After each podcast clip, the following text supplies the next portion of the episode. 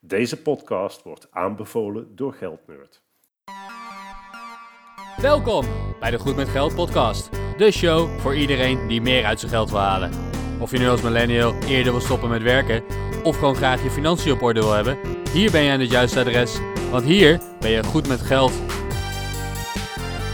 Dit is aflevering 28 van Goed met Geld. Mijn naam is Bas van firetheboss.eu. En ik ben Arjan van Stoppen voor mijn 50ste.nl. En vandaag hebben wij weer een fantastische gast in de studio. Dit is een amateur met een lelijke WordPress-site. Hij schrijft over persoonlijke financiën en heeft over alles een mening. Hij is excellent met Excel en daarnaast ook nog een aanstormend health nerd. Welkom in de studio, Geldnerd. Ja, goedemorgen. Welkom, welkom. Geldnerd. Ja, ja ik, ik ben echt super enthousiast dat jij er bent vandaag. Dank je. Ik vind het ook leuk om hier te zijn. Ik, ik zal meteen ook even vertellen. Uh, toen ik begon met bloggen, daarvoor uh, heb ik natuurlijk even op internet rondgekeken. En een van de allereerste sites die ik tegenkwam was Geldnerd. En dan, uh, ik, ik ben ook IT'er van mijn achtergrond, dus af en toe voel ik me ook echt gewoon een nerd. En als je dan nog eens Geldnerd heet, ja, daar, daar werd ik gewoon al heel enthousiast van. En dat is dus ook wel een van de eerste blogs die ik ben gaan volgen. En uh, ook wel een soort van inspiratie heb gebruikt uh, voor mijn eigen blog. Nou, dat vind ik altijd heel leuk om te horen. Top, top. Maar goed, Geldnerd, ja, uh, hè, op, jou, op jouw website vertel je regelmatig iets over jezelf. je hebt het regelmatig over jouw hondje en je hebt het regelmatig over je Excel. Maar ja, eigenlijk de allereerste vraag, wie is Geldnerd? wie is Geldnerd? Nou, ik ik ben achter in de 40. Ik woon samen met mijn vriendin en ons hondje, die beide inderdaad regelmatig op de blog staan, in uh, de Randstad, in een van de grote steden. Uh, we wonen in een koopappartement dat we eind 2016 gekocht hebben. Dat was inderdaad nadat we terugkwamen uit het verre warme land, waar we een aantal jaren gezeten hebben voor ons werk. Uh, in het dagelijks leven werk ik als financial bij de Rijksoverheid. Ik ben manager van een financiële afdeling. En ik ben terugkijkend al in 2003 begonnen met financieel bewuster leven. En dat is met hele kleine stapjes gegaan. Vroeger was er veel minder informatie. Uh, niemand had nog van uh, een spaarpercentage of een safe withdrawal rate gehoord. En in september 2015 ben ik gaan bloggen over mijn persoonlijke financiën. Jij hebt dus met recht de titel Opa Geldnerd geadopteerd daardoor? Nou, die, die heb ik gekregen van anderen. Dat was niet iets wat ik zelf gezocht heb. Dat is niet iets waar je zelf naar op zoek was, maar je misschien stiekem wel een beetje trots op. Vanaf 2003 al uh, actief in de, in de financiën, dus uh, supergoed. Uh, wij hopen dus dat je jouw ervaring met persoonlijke financiën met ons en al onze luisteraars wilt delen vandaag. En ervaring heb je zat zo te horen. Nou, dat is de reden dat ik er ooit over ben gaan bloggen. Dat, het, mijn blog is een idee van mijn vriendin die uh, op een gegeven moment zei van jij moet een hobby. En ze zei van ja, je bent altijd met die spreadsheets aan het knoeien en altijd met je financiën bezig, moet je daar niet over gaan schrijven. En mijn eerste reactie was ik, schrijven, dat lijkt me nou echt niet iets voor mij. Maar ik ben gewoon begonnen. Eerst maar eens een maand schrijven. En ondertussen ook nadenken over de blognaam en dat soort dingen. En daar is Geldnerd uitgekomen. Dus eigenlijk is het aan mijn vriendin te danken dat geld nu er is. Dus misschien was ze ook al lang blij dat, ze, dat jij iemand anders had, of eh, het internet, het publiek in, uh, in meervoud, om over geld te praten en niet meer alles met haar te bespreken de hele tijd. Dat speelde zeker een rol. Wauw, wauw. Nou, gaaf om te horen, dit, dit stukje geschiedenis van Geldnerd überhaupt. Maar ik wil eigenlijk even nog verder terug naar 2003. Want je geeft aan, nou, toen ben ik begonnen met het, het financieel bewuster leven. Uh, waar uitte zich dat in? Hoe, hoe, wat zijn jouw eerste stappen geweest? Ja, uh, de, de, eerste stap was eigenlijk uh, een gevoel van onrust. Mijn ex-vrouw was toen nog getrouwd en ik, wij zaten op een gegeven moment na te denken van ja, we verdienen best wel veel geld, maar waar blijft dat eigenlijk? En dat had er ook mee te maken, zij kwam uit het buitenland, had nog geen pensioen opgebouwd. Dus daar maakte ze zich best wel zorgen over. En toen hebben we op een regenachtige middag al onze boekingen uh, uit internetbankieren gedownload. En zijn we dat gewoon eens gaan categoriseren. Eerst heel simpel in tien categorieën. En we schrokken ons helemaal de vinktering. Uh, onze categorie luxe, dat was echt enorm. Ja, en dan ga je daar doorheen en dan ga je dat verder uitzoeken. Na die eerste maand hebben we geloof ik wel 10, 20 opzeggingsbrieven voor allerlei abonnementen en zo de deur uitgedaan. Oh, wow. En zo heeft zich dat stapsgewijs verder ontwikkeld. En toen was ik nog helemaal niet bezig met financieel onafhankelijk of dat soort dingen. We wilden gewoon weten waar ons geld naartoe ging. Ja, dus eigenlijk ben je gewoon begonnen met een stukje inzicht creëren voor jezelf. je, je geeft aan, we zijn met tien categorieën begonnen, waaronder luxe er één was. En je bent eigenlijk gewoon kapot geschrokken hoe jullie uitgaven toen waren. Ja, ik denk dat vrijwel iedereen die uh, dit pad opgaat, dat aan het begin wel heeft. Dat hij denkt van, geef ik daar zoveel geld aan uit? Het bekende voorbeeld is natuurlijk uh, de lattenfactor. Hè? Wat geef je uit een koffie buiten de deur?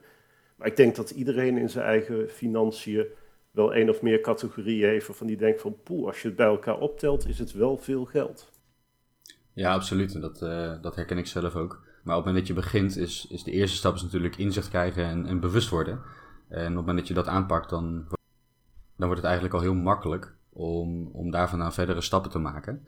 Dus toen jij eenmaal inzicht kreeg in jouw uitgavenpatroon, of in jullie uitgavenpatroon destijds, hoe ben je toen uh, acties gaan ondernemen? Je, had het al over het uh, opzeggen van allerlei abonnementen. Uh, heb je verder daarnaast nog bewust acties ondernomen om je kostenpatroon efficiënter te maken? Ja, dat, dat was, vonden we op dat moment best wel moeilijk. We hadden het jaar daarvoor een appartement gekocht met, een, uh, met terugkijkend een boekerhypotheek. Die uh, ik ook wel eens uitgebreid beschreven heb als een van mijn grootste fouten. Dat was een aflossingsvrije hypotheek, dus daar zaten wij gewoon aan die lasten vast.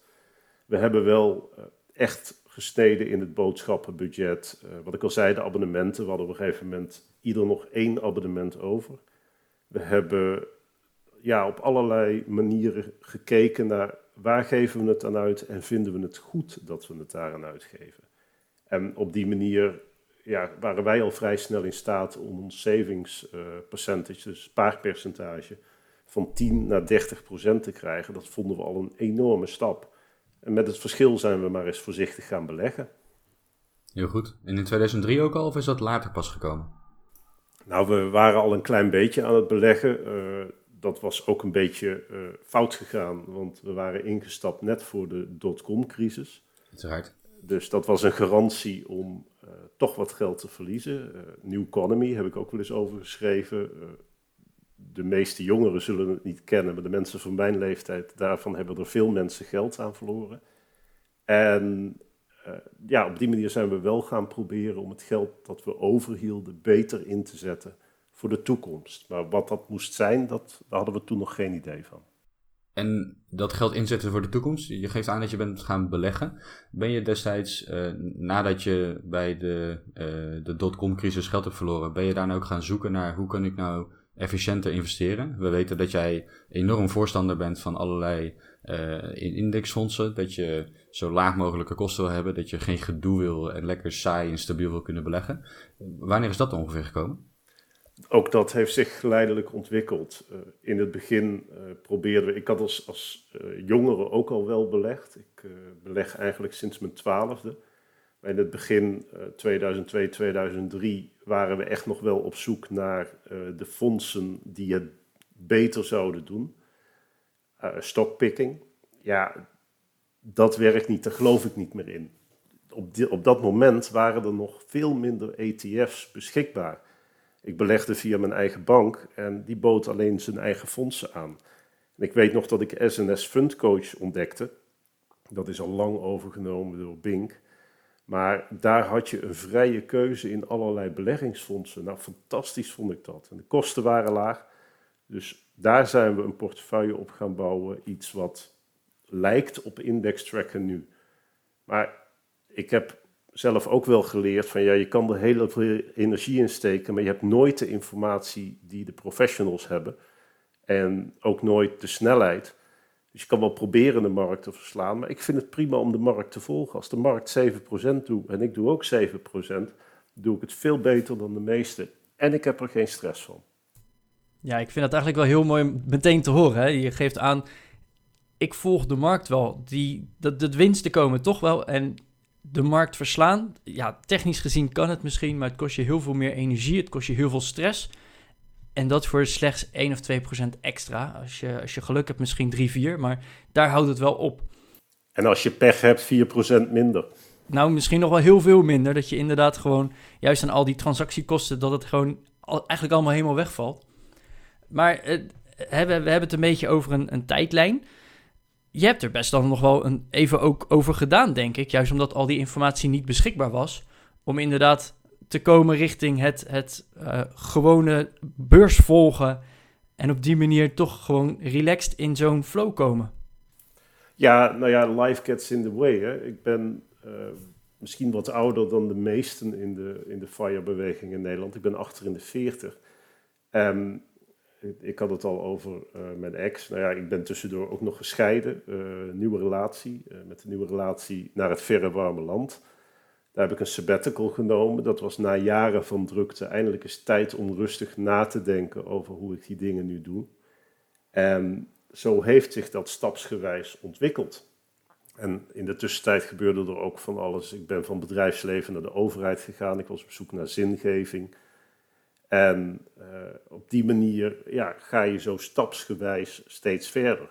Ik moet wel zeggen dat sinds ik blog, sinds eind 2015, dat het veel sneller gaat. En dat heeft er ook mee te maken dat ik veel meer ideeën oppik bij andere bloggers en ook in de gesprekken, zoals gesprekken nu met jullie. Er komen altijd weer ideeën uit waarmee ik het systeem weer wat aanscherp. Wat ik ook merk is dat omdat ik mezelf dwing om te bloggen en omdat wij onszelf dwingen om deze podcast te maken, dat je ook met ideeën moet komen. En dat op het moment dat je dingen uh, om je heen ziet, dat uh, zaken vallen je gewoon eerder op. Omdat je in je hoofd bezig bent met, hey, ik wil nog een stukje content ontwikkelen. En daardoor sta je veel meer open voor andere ideeën. En ik merk dat mijn hersenen de laatste jaren echt enorm uh, toegespitst zijn op het zien van ideeën en daarover na kunnen denken. En zeker in de community, ja, er wordt zoveel geweldige content gedeeld. Dat, uh, dat brengt je leven onder een, stroomversnelling. Dat herken ik heel erg. Uh, het is inderdaad die discussies met elkaar, het bewust nadenken inderdaad van, zit er een blogje in? Ik probeer niet echt op zoek te gaan, maar wel heel bewust bezig te zijn met alles wat ik doe, alles wat ik lees, alles wat ik zie, is hier, zit hier een blogje in. En op die manier ontwikkelt het je ideeën uh, heel snel heel veel verder. Absoluut. Want jij bent wel gestopt met het, uh, het op een vast schema bloggen, begreep ik uh, laatst. Nou, niet helemaal. maar niet helemaal. Je hebt dat een keer genoemd, maar ik ja. zie dat je toch nog behoorlijk ja. regelmatig wat schrijft. Ja, nou ja, de komende weken zit er even een soort zomerstop in. Want je merkt toch ook dat veel lezers op vakantie zijn dus de komende weken zal het, uh, denk ik, uh, iets minder zijn, één keer in de week. Ik heb inderdaad op een gegeven moment, ik zat daar vrij dwangmatig in. Ik moest op maandag en op donderdagochtend publiceren. Dat was al een concessie, want in het verleden publiceerde ik drie keer in de week. Maar dat is gewoon nauwelijks vol te houden. Zoveel content, zoveel uh, stukjes eruit persen, dat lukt me niet. Maar sinds ik gezegd heb dat het niet meer hoeft, stroomt de inspiratie weer en schrijf ik toch weer gewoon twee keer in de week. Dat doe je dan goed. Hey, ik wil even terug naar iets wat jij uh, zojuist meldde. Je zegt van ik heb uh, jarenlang in het bedrijfsleven gezeten. Dat is behoorlijk hectisch. Uh, na je sabbatical ben je bij de overheid verder gegaan. En je noemde dat in combinatie met wat meer zinsgeving. Zou je meer willen uitweiden op hoe jij bij de overheid meer zinsgeving aan je werk probeert te geven? Nou, de overstap naar de overheid die, die was al wat eerder. Die was in 2002 maar ook wel naar aanleiding van uh, ja, een min of meer gedwongen uh, sabbatical om gezondheidsredenen. Ik zat in de financiële wereld. Ik was daar veel bezig met fusies en overnames, financieringsconstructies, dat soort dingen. Dat ging om miljarden, maar dat was allemaal monopoliegeld. En dat was dus heel leeg en dat wilde ik niet meer. En de overheid had toen net de campagne Werken bij het Rijk als je verder denkt. We hebben het nu echt over 2001, 2002. En ik dacht, ja, dat wil ik. Ik wil verder denken. Dus toen ben ik gaan solliciteren bij de overheid. Dat was echt een cultuurshock. En op een gegeven moment was er een ministerie dat mij wilde hebben. Toen ben ik overgestapt en daar eigenlijk gewoon verder gegaan met de dingen die ik aan het doen was maar wel op een hele andere manier, in een omgeving waar veel meer aandacht is voor werk-privébalans. En op die manier kreeg ik het eigenlijk, doordat die omgeving dat veel meer stimuleerde, vanzelf rustiger. En ik ben bezig met dingen die de Nederlandse samenleving eh, rechtstreeks raken. En dat vind ik erg belangrijk. Dat, dat geeft me veel meer voldoening dan miljarden verdienen voor iemand anders met een overname. Ja, je geeft aan van hen, dat die, die overnames en, en waar je altijd mee bezig was, dat, dat was maar monopoliegeld. Terwijl de zaken die je deed bij de overheid, dat was gewoon belastinggeld, waar heel Nederland heel hard voor heeft gewerkt. Waar ik dan heel benieuwd naar ben, waar is Fire dan om de hoek komen kijken? Want heeft dat dan te maken met dat je over bent gegaan van monopoliegeld naar eh, echt belastinggeld? Of heeft dat te maken met dat je bewuster ging leven? Was het de sabbatical? Uh, was het, het de, de andere werkcultuur die heerst bij de overheid in tegenstelling tot uh, het, het zakelijke wereldje? Waar, waar is FIRE ontstaan? Dat is een hele goede vraag. Ik heb nog steeds een haat-liefde verhouding met FIRE. Er zijn momenten dat ik denk dat ik het niet wil. Wat ik, uh, waar ik wel heel blij mee ben, is dat we met elkaar de term hot verzonnen hebben. Want heel veel dingen die ik al deed of doe, die schaar ik daar wel onder. Een sabbatical nemen, meegaan met mijn vriendin die een baan kreeg in het verre warme land. Dat zijn bewuste keuzes die kunnen omdat ik bewust met mijn geld omga. Of ik echt, uh, ik, ik, wil graag financieel onafhankelijk worden, heel graag. In de zin van dat ik niet meer hoef te werken. Of ik dan ook stop met werken, dat vind ik nog de vraag. Zolang mijn werk mij voldoening geeft, blijf ik dit doen. Omdat ik gewoon bezig ben voor de samenleving en dat bevalt me uitstekend. Ja, ik had uh, van de week was ik uh, in een ander land dan Nederland voor mijn werk. En ik heb daar uh, iemand ontmoet, een Nederlandse jongen die ook met Fire bezig is.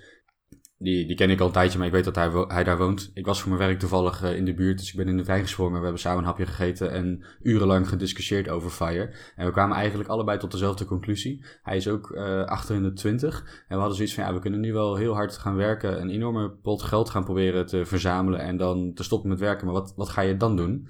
Uh, ga je dan op je veertigste achter de geranium zitten? Dat lijkt ons ook een slecht idee. En we kwamen er eigenlijk in het gesprek een beetje op uit dat de keuzevrijheid die je krijgt door bewust met geld om te gaan, dat dat waarde geeft en dat dat het je leven veel zinvoller maakt. En dat je dan kunt kiezen om niet meer te werken of kiezen om minder te gaan werken. Dat is, uh, ja, dat is wel fantastisch. Ja, en ik denk, hè, ik, ik hoor Geldnerd meteen zeggen van, ik had de mogelijkheid om met mijn vriendin naar het verre warme land te gaan. Ja, dat, dat is dan eigenlijk meteen wat er bij mij opspringt. Van, hey, je bent zo bewust met je geld bezig dat je inderdaad ook de mogelijkheden hebt om zo'n best wel rigoureuze keuze te maken om uh, jouw partner te volgen naar, ik weet niet eens waar het verre warme land is, maar ik, ik neem aan dat het ergens de andere kant van de wereld is. Het was inderdaad ongeveer de andere kant van de wereld, in ieder geval zeker qua cultuur. En het gaat inderdaad, het gaat mij om die keuzevrijheid. Het, uh, het was een dure keuze. Als ik kijk naar mijn uh, eigen vermogengrafiek, mijn netto waardegrafiek, die ik dus ook al bijhoud sinds 2003, dan zie je echt een dip van twee jaar vermogensopbouw, omdat ik een hele tijd niet gewerkt heb. En omdat ik wel gewoon, dat was een voorwaarde van mijn werkgever, mijn pensioenopbouw moest doorbetalen. Dus mee naar het verre warme land was in die zin een hele dure keuze. Maar het was een hele goede keuze. Een keuze waar ik tot op de dag van vandaag geen spijt van heb. Het heeft uh, mijn vriendin en mij veel dichter bij elkaar gebracht. En het was gewoon een fantastische tijd daar. Dat je je die keuze kunt veroorloven, dat is de grootste toegevoegde waarde van noem het fire, noem het hot, noem het financieel bewust leven. Ja, want hoe, hoe lang heb je dan in het verre warme land gezeten? Wij hebben ruim 2,5 jaar in het uh, verre warme land gezeten. Oké, en in, in die 2,5 jaar heb je dan daar wel gewerkt? Of was dat echt een sabbatical van 2,5 jaar? nou, uh, wie mij een beetje kent, weet dat ik uh, dat niet zo goed zou kunnen. En na een maand of negen kroop ik ook wel tegen de muur op. Dus ik heb ongeveer negen maanden sabbatical gehouden. Wel allerlei dingen gedaan, variërend van meubels maken. Dus Mr. Fop is daar niet de enige in tot en met uh, leren duiken en allerlei andere dingen. Uh, schrijven, uh, nadenken over geldnerd. En daarna ben ik er gaan werken bij mijn oude vakgebied in de financiële wereld. Maar het was een hele andere omgeving, een hele andere cultuur. Er werd hard gewerkt, maar ook met duidelijke grenzen. En om half vijf, vijf uur was het klaar. En dan liep je naar buiten, ging je naar huis, deed je je korte broek en je slippers aan. En dan had je vakantie. En dat geeft zoveel extra rust. Je zit al een beetje jaloers te worden hier. Ja, ik wou zeggen, ik, ik kijk hier nu naar buiten. En uh, bij, de, bij de voorbesprekingen, ook met Geldnerd, zaten we van... Ja, het is de afgelopen drie dagen, ik geloof 35 plus geweest. Het, het, is gigantisch warm gehad. Eh, we nemen dit op precies de zaterdag na de extreme hittegolf... Uh, waarbij alle warmterecords zijn verbroken hier in Nederland. En ik, ik woon relatief dichtbij Geldnerd, zijn we net achtergekomen... En we hebben net een gigantische bui over ons heen gehad. En met onweer, bliksem, alles erop en eraan. Um, dus dan word ik inderdaad wel een beetje jaloers als je om half vijf, vijf uur uh, naar huis gaat, je korte broek aantrekt en vakantie hebt. Ja, de afgelopen dagen hebben we daar ook nog veel aan moeten denken. Alhoewel de extreme temperaturen die we hier hadden de afgelopen dagen, zo erg was het gelukkig zelden in het uh, verre warme land. Het bijzondere is ook, ons hondje, die is daar geboren en getogen. Die hebben we daar geadopteerd. En die is dus nu een jaar of vier terug, nee, een jaar of drie terug in Nederland. En uh, die heeft verdomd veel last van de warmte. Maar die heeft dus ook een veel dikkere vacht dan die in het verre, warme land ooit gehad heeft. Oh, wat grappig dat, dat die dan hè, de, de warmte slash kou zodanig adopteert dat hij een veel warmere wacht creëert en ja, daarop helemaal uh, is ingesteld ondertussen. Ja, dat, uh, want hij is hier nooit geweest voordat ik hem meenam. Maar ik wil eigenlijk even een, ja, niet een 180 eh, maken, maar even de andere kant op uh, gaan met het gesprek. Jij bent heel druk met Fire, je blogt daarover en je bent nu ook de gast in een podcast waarin je dus uh, nou ja, met je stem straks op het internet staat. Wie weet er allemaal van jouw doel? Ben jij daar open over? Ben je er heel gesloten over? Ik weet van mezelf dat ik er behoorlijk gesloten over ben. Um, maar weten jouw collega's, vrienden, familie wat je doet? De meesten niet. Vrienden wel. Mijn, mijn goede vrienden, die weten ervan. Die volgen mijn blog ook. Familie, directe familie weet het ook. Collega's heel weinig. Uh, omdat ik het lastig zou vinden als collega's uh, echt mijn blog gaan uh, volgen. Ik weet van één collega die mijn blog volgt, maar die niet weet dat ik geldnerd ben. Dat vind ik wel, wel humor. Dus af en toe, kijk, ik ben financial ook van beroep.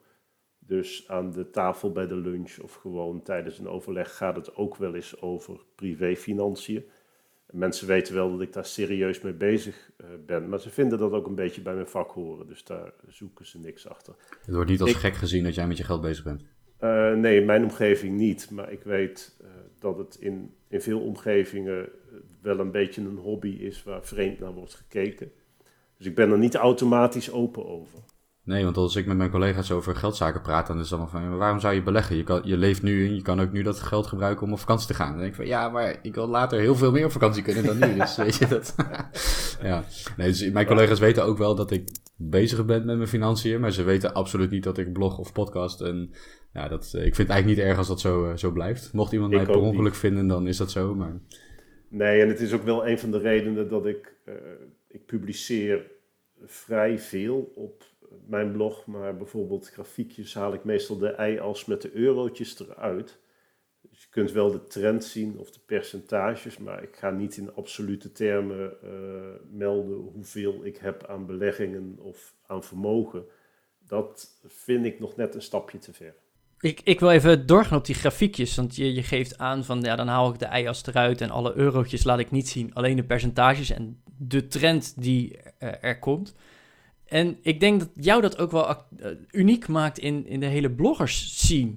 Want hè, jij bent geldnerd en als er iemand heel veel grafiekjes neerzet, uh, dan is het wel geldnerd. Als er iemand heel erg uh, alles uit zijn Excel haalt, dan is het wel geldnerd. Maar geldnerd hoe doe je dat? Wat, wat is nou de kracht waaruit je dat haalt? Hoe ga jij om met Excel?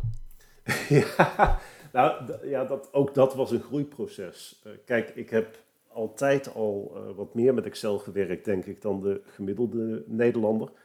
Uit mijn tijd in de fusies en overnames. Heel veel van die modellen maakten we in Excel. Maar ik was toen nog heel weinig bezig met macro's en met programmeren. Dat is later gekomen. Wat er voor mij onder zit, is een, een heel sterk geloof dat uh, meten is weten. En wat je meet beïnvloedt wat je doet.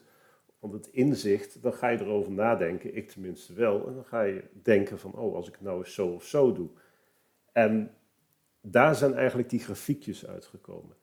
Ik hield al jaren de administratie bij. Uh, in het verre warme land had ik uh, meer vrije tijd dan in Nederland. En ben ik op een gegeven moment die spreadsheets gaan verbeteren.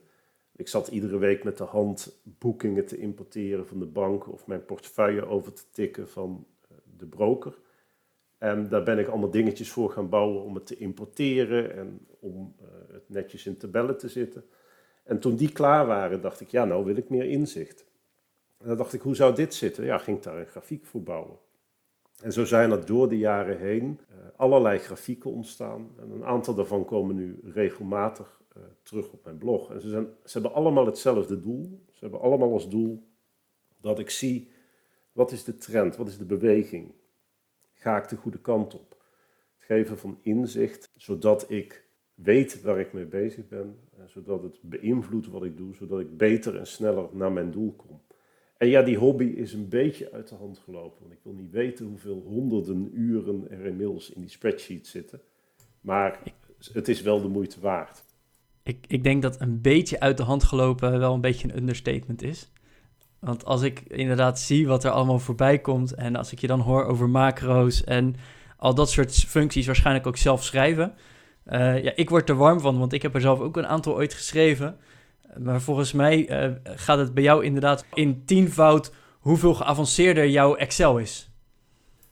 Dat is ook stapsgewijs zo gegroeid. Als ik nu terugkijk naar mijn spreadsheets uit 2003, dan snak ik af en toe naar die eenvoud.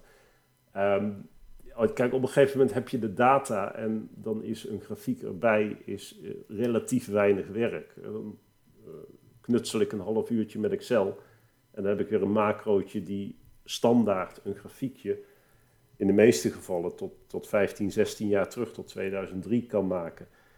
En ja, sommige mensen vinden dat misschien nog wel gekker dan dat ik met geld bezig ben. Maar ja, I'm a nerd and proud of it. Inderdaad. Ik kan het alleen maar beamen, inderdaad. Um, maar dan ben ik wel ook benieuwd. Is je administratie nu af? Ben je er nog met de ontwikkeling bezig? Of, of zeg je van nee, het staat zo, hij is helemaal klaar? Af is hij nooit. um, er kan altijd wat bij komen. Er kan, ja, nou, er komt altijd voorbij. Uh, kijk, de, de basis is In die zin, ik heb macro's die ervoor zorgen dat ik per week misschien drie, vier minuten bezig ben met het bijhouden. En als ik eens een week oversla, dan, dan is het geen extra werk de week daarna. Ik download de standaardrapportjes van mijn broker en van mijn bank. En ik druk op de knop in Excel en ze worden geïmporteerd en verwerkt. En verwerkt betekent dat iedere grafiek en iedere tabel weer actueel is. Dat is, laat ik voorzichtig zeggen, redelijk geoptimaliseerd. Wat ik wel zie is dat ja, er eigenlijk geen maand voorbij gaat dat ik niet ergens denk van, ja, maar wat als? En uh, hoe zou dat zitten? En wat ik de, het afgelopen jaar zie, de afgelopen twee jaar, is dat ik weinig meer bouw aan de basisfunctionaliteit, maar dat er vooral heel veel grafiekjes bij komen en heel veel tabelletjes en functies die laten zien hoe dingen zich door de tijd ontwikkelen. Dus het accent verschuift veel meer naar de analyse en het inzicht en het voorspellen van de toekomst. Maar eh, daar ben ik dan wel benieuwd naar, want uh, ik, wij volgen allebei je blog. En uh, recent ben je ook begonnen met Health Nerd. Daar komen we zo meteen nog even op. Maar gaat er dan binnenkort ook nog een uh, serie met blogs komen over Excel Nerd? um, nou, dat weet ik niet. Uh, kijk, oorspronkelijk toen ik de blog begon, uh, en een van de redenen waarom het Geld Nerd heet, was omdat ik veel schreef over Excel en over het programmeren in Excel.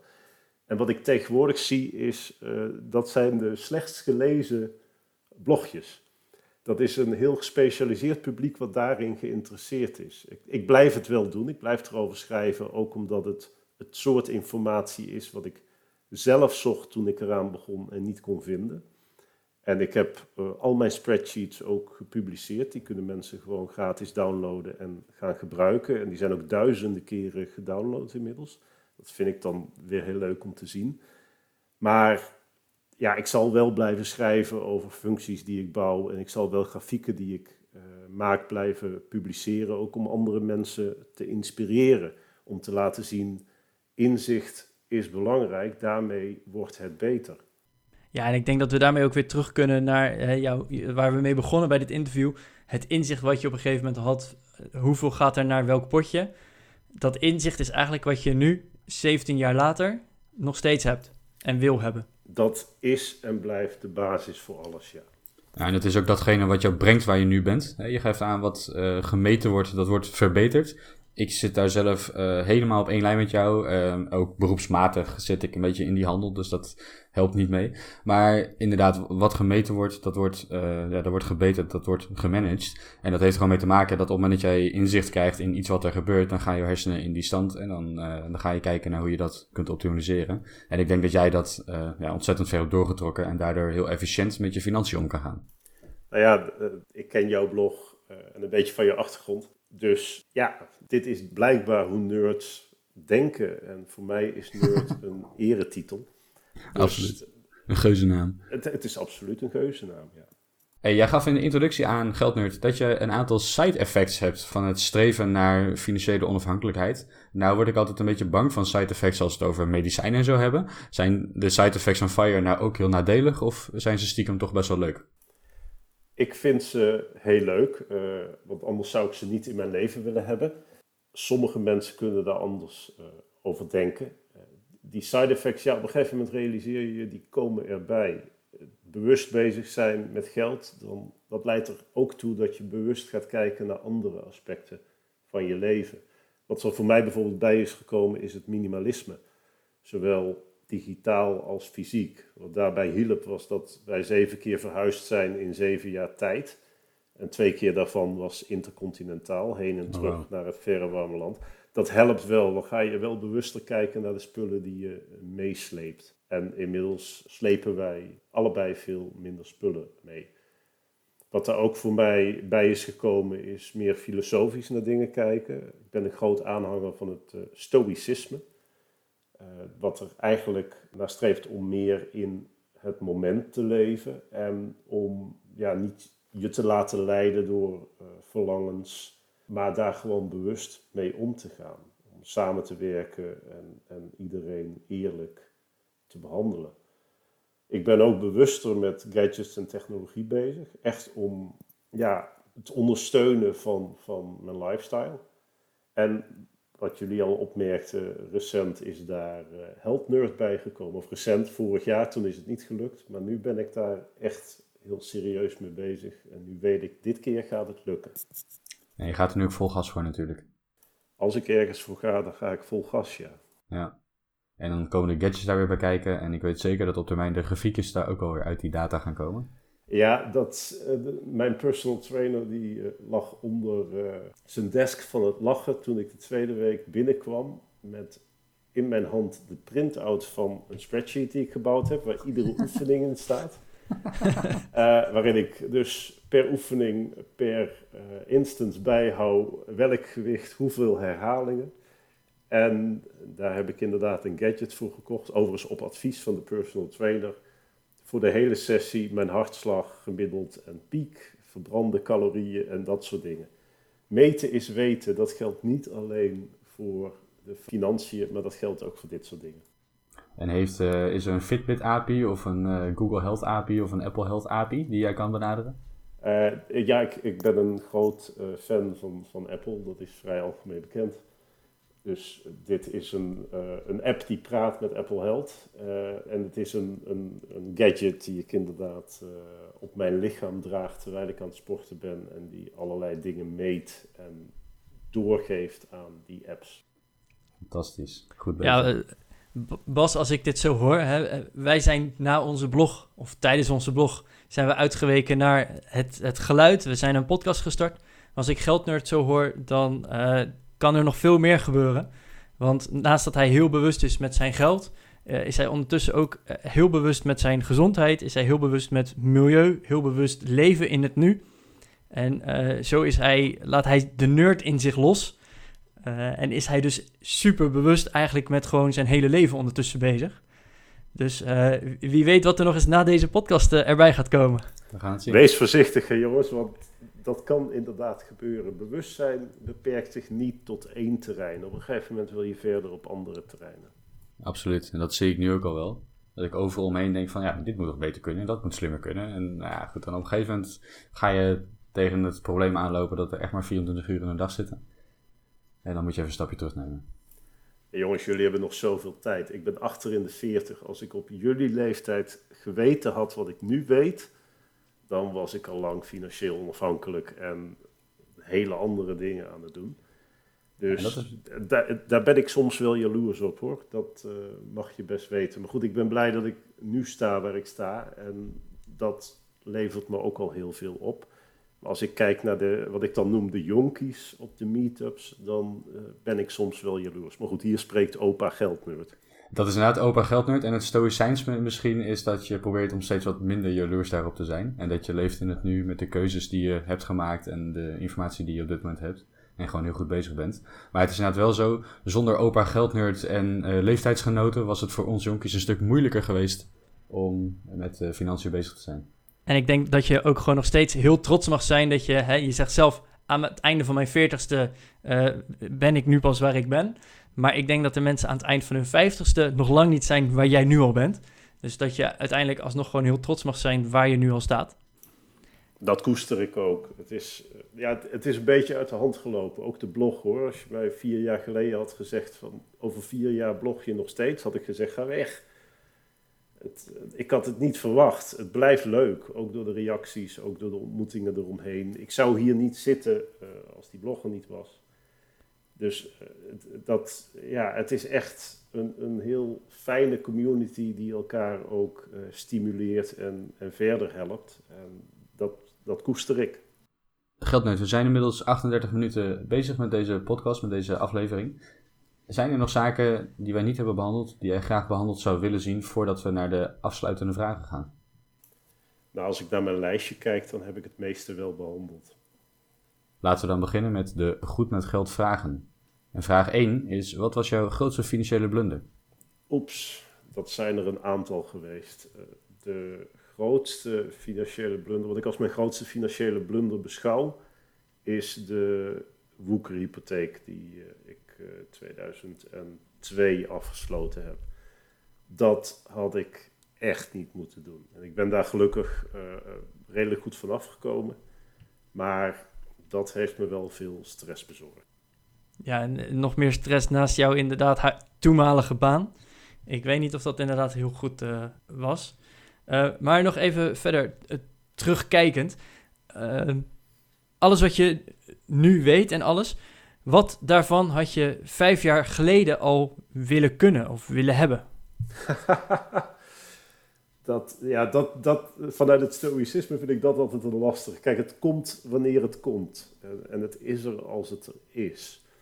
Ik had echt, als ik 15 jaar geleden het concept spaarpercentage echt al had doorgrond en daarop was gaan sturen, dan was mijn spaarpercentage uh, toen al veel hoger geweest.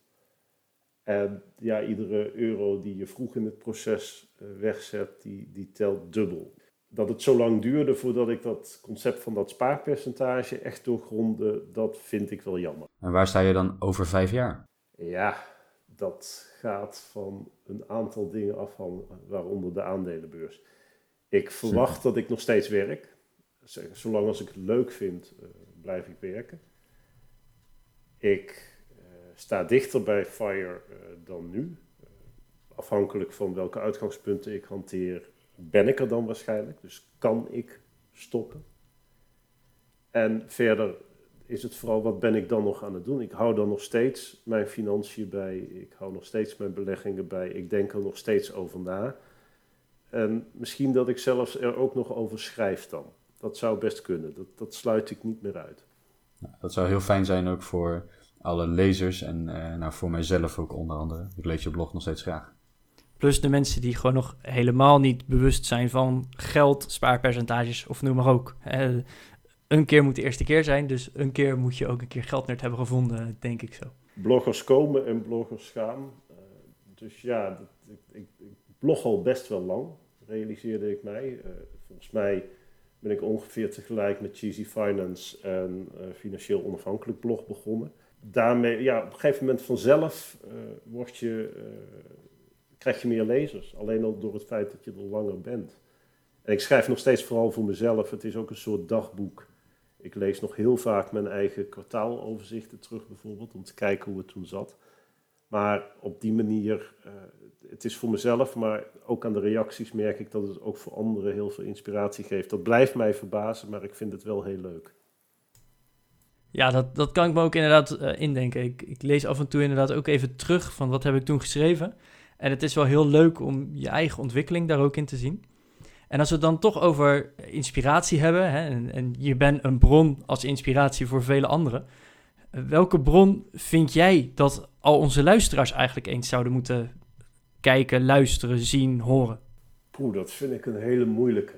Uh, omdat het is ook individueel. Kijk, iemand die begint met een enorme schuld, die heeft iets anders nodig dan iemand die al een stevig salaris heeft en qua eigen vermogen in de plus staat. En ik denk vooral dat iedereen moet zoeken naar inspiratie die past bij waar je zelf staat, waar je naar op zoek bent. En dan, dan, dan, zijn er, dan is er voor al die smaken zijn er fantastische blogs te vinden. Ik heb, dat is een van de redenen dat ik een enorme blogrol op mijn blog bijhoud. Daar zitten heel veel verschillende smaken in. Waar wat voor mij de grote inspiraties zijn geweest, ja, dat is toch vrij traditioneel. Het is voor mij heel erg begonnen met het boek Your Money or Your Life. Daar, het, het negen stappenplan daarin, uitrekenen wat verdien je nou echt per uur en vervolgens alles wat je wil gaan kopen uitdrukken in een aantal levensuren. Dat heeft bij mij echt wel een, een inzicht gegeven. Als ik kijk naar het hier en nu, ik, ik volg ontzettend veel blogs. Ik volg jullie allebei heel ander leven dan het mijne. En toch haal ik er inspiratie uit. Toch zitten er dingen in waarvan ik denk, god, daar moet ik ook eens naar kijken. Dan moet ik ook eens even kijken hoe dat in mijn situatie zit. En juist buiten je eigen kringetje, je eigen bubbel, daar vind je vaak de leukste inspiratie. Dat is denk ik ook wel een van de redenen dat wij vragen, uh, wat zouden onze luisteraars moeten luisteren, horen, zien. Uh, juist om even uit de eigen bubbel te komen en weer nieuwe inspiratie te krijgen. Nog even terugkomend op het boek Your Money or Your Life. Ehm, die is ook vertaald in het Nederlands, Je geld of je leven. Ik heb daar in in het, verleden al een keer een aantal blogs over geschreven. En volgens mij is deze zelfs gratis te downloaden op het internet. Dus zoek daar vooral even naar. Klopt. Uh, volgens mij is hij als PDF in het Nederlands. En hij is dus ook naar Nederlandse situaties omgebouwd. Dus zeker ook een aanrader voor iedereen die uh, ja, gewoon eens wil beginnen. Gewoon ergens wil beginnen. Er zitten negen stappen inderdaad in. En ze gaan heel bewust uh, langs. Het, het, boek is iets outdated, want ze willen echt nog op papier dat jij je administratie bij gaat houden. Terwijl ik denk dat dat zeker tegenwoordig in Excel relatief makkelijk kan. Maar de stappen die erin zitten, dat zijn toch wel hele mooie en bewust wordende stappen. Die ik eigenlijk ook, inderdaad ook iedereen aan kan raden. Ik hoor hier een kans voor je geld en of je leven, Koos Geldnerd dat geld nu toch maar een keer moet uh, gaan meeschrijven aan een tweede druk waarin Excel genoemd worden. Plus, plus alle automatisering, macro's en VBA's. Mocht je je nog vervelen geld dan is dat wel een idee. Ja, daar is niet zo heel veel kans op. Ik denk dat dat ons bij de laatste vraag van de tot nu toe langste Goed met Geld aflevering ooit gaat brengen. Wat is jouw advies aan onze luisteraars om een geldnerd te worden? De vraag is of mensen dat moeten willen. um, nou ja, mijn advies aan, iedereen is: het maakt niet zoveel uit wat je doet, welke stappen je zet. Want als je bewust bezig bent met je geld, als je bewust nadenkt over je geld, inzicht creëert in wat er binnenkomt en waar het naartoe gaat, dan lig je al mijlenver voor op 99% van de rest van de wereld. En zoek daarin vooral je eigen weg. Kijk, er zijn heel veel bloggers, uh, er zitten er hier drie aan tafel om hierover te praten, die elk hun eigen reis volgen. Dus zoek in de reis van anderen wat bij jou past. Je moet toch zelf tot het inzicht komen voordat je eh, het echt toe kunt gaan passen. En er is inmiddels zoveel informatie, ook voor jou, beste luisteraar, is er een verhaal dat bij je past. Dus vind dat verhaal en ga op weg. En dan kom je er. Laat je inspireren en ga doen wat bij je past. Yes. Nou, ik denk dat dat een heel, heel mooi einde is van deze Goed met Geld vragen en deze Goed met Geld podcast. Geldnerd, waar kunnen we je online vinden? Op www.geldnerd.nl. Al deze links en uh, boeken die we hebben genoemd en alle bronnen die zijn besproken, die komen natuurlijk ook in de show notes van deze aflevering. Deze vind je op www.goedmetgeldpodcast.nl slash 028. We zitten in aflevering 28. Geldnerd, wij willen je echt onwijs bedanken voor de tijd, de moeite en de informatie die je zojuist met ons hebt gedeeld. En Nederland wil jouw vriendin bedanken dat ze jou in de blog heeft gekregen. ik zal het doorgeven, daar zal ze blij mee zijn. Ik wil jullie hartelijk danken voor de uitnodiging. Uh, podcasten is niet iets wat ik zelf gauw zal doen. Ik ben meer een schrijver en een denker. Maar ik vond dit echt heel erg leuk. Dus dank jullie wel. Wederzijds, dankjewel. Mocht je onze podcast nou leuk gevonden hebben, uh, wil je meer van dit soort afleveringen horen, kijk dan eens op goedmetgeldpodcast.nl en uh, ja, check ons ook gewoon op Spotify, op iTunes of Apple Podcasts heet dat tegenwoordig. Laat daar een rating en een review achter, want zo kunnen deze platformen ja, onze podcast wat, wat hoger in de zoekresultaten terecht laten komen, zodat meer mensen ja, van onze afleveringen kunnen genieten. Doe dat, ratings en reviews, daar zou je ons ontzettend mee helpen. En ja, luister volgende week weer naar aflevering 29 van Goed met Geld. Tot volgende week. Deze podcast wordt aanbevolen door Geldbeurs.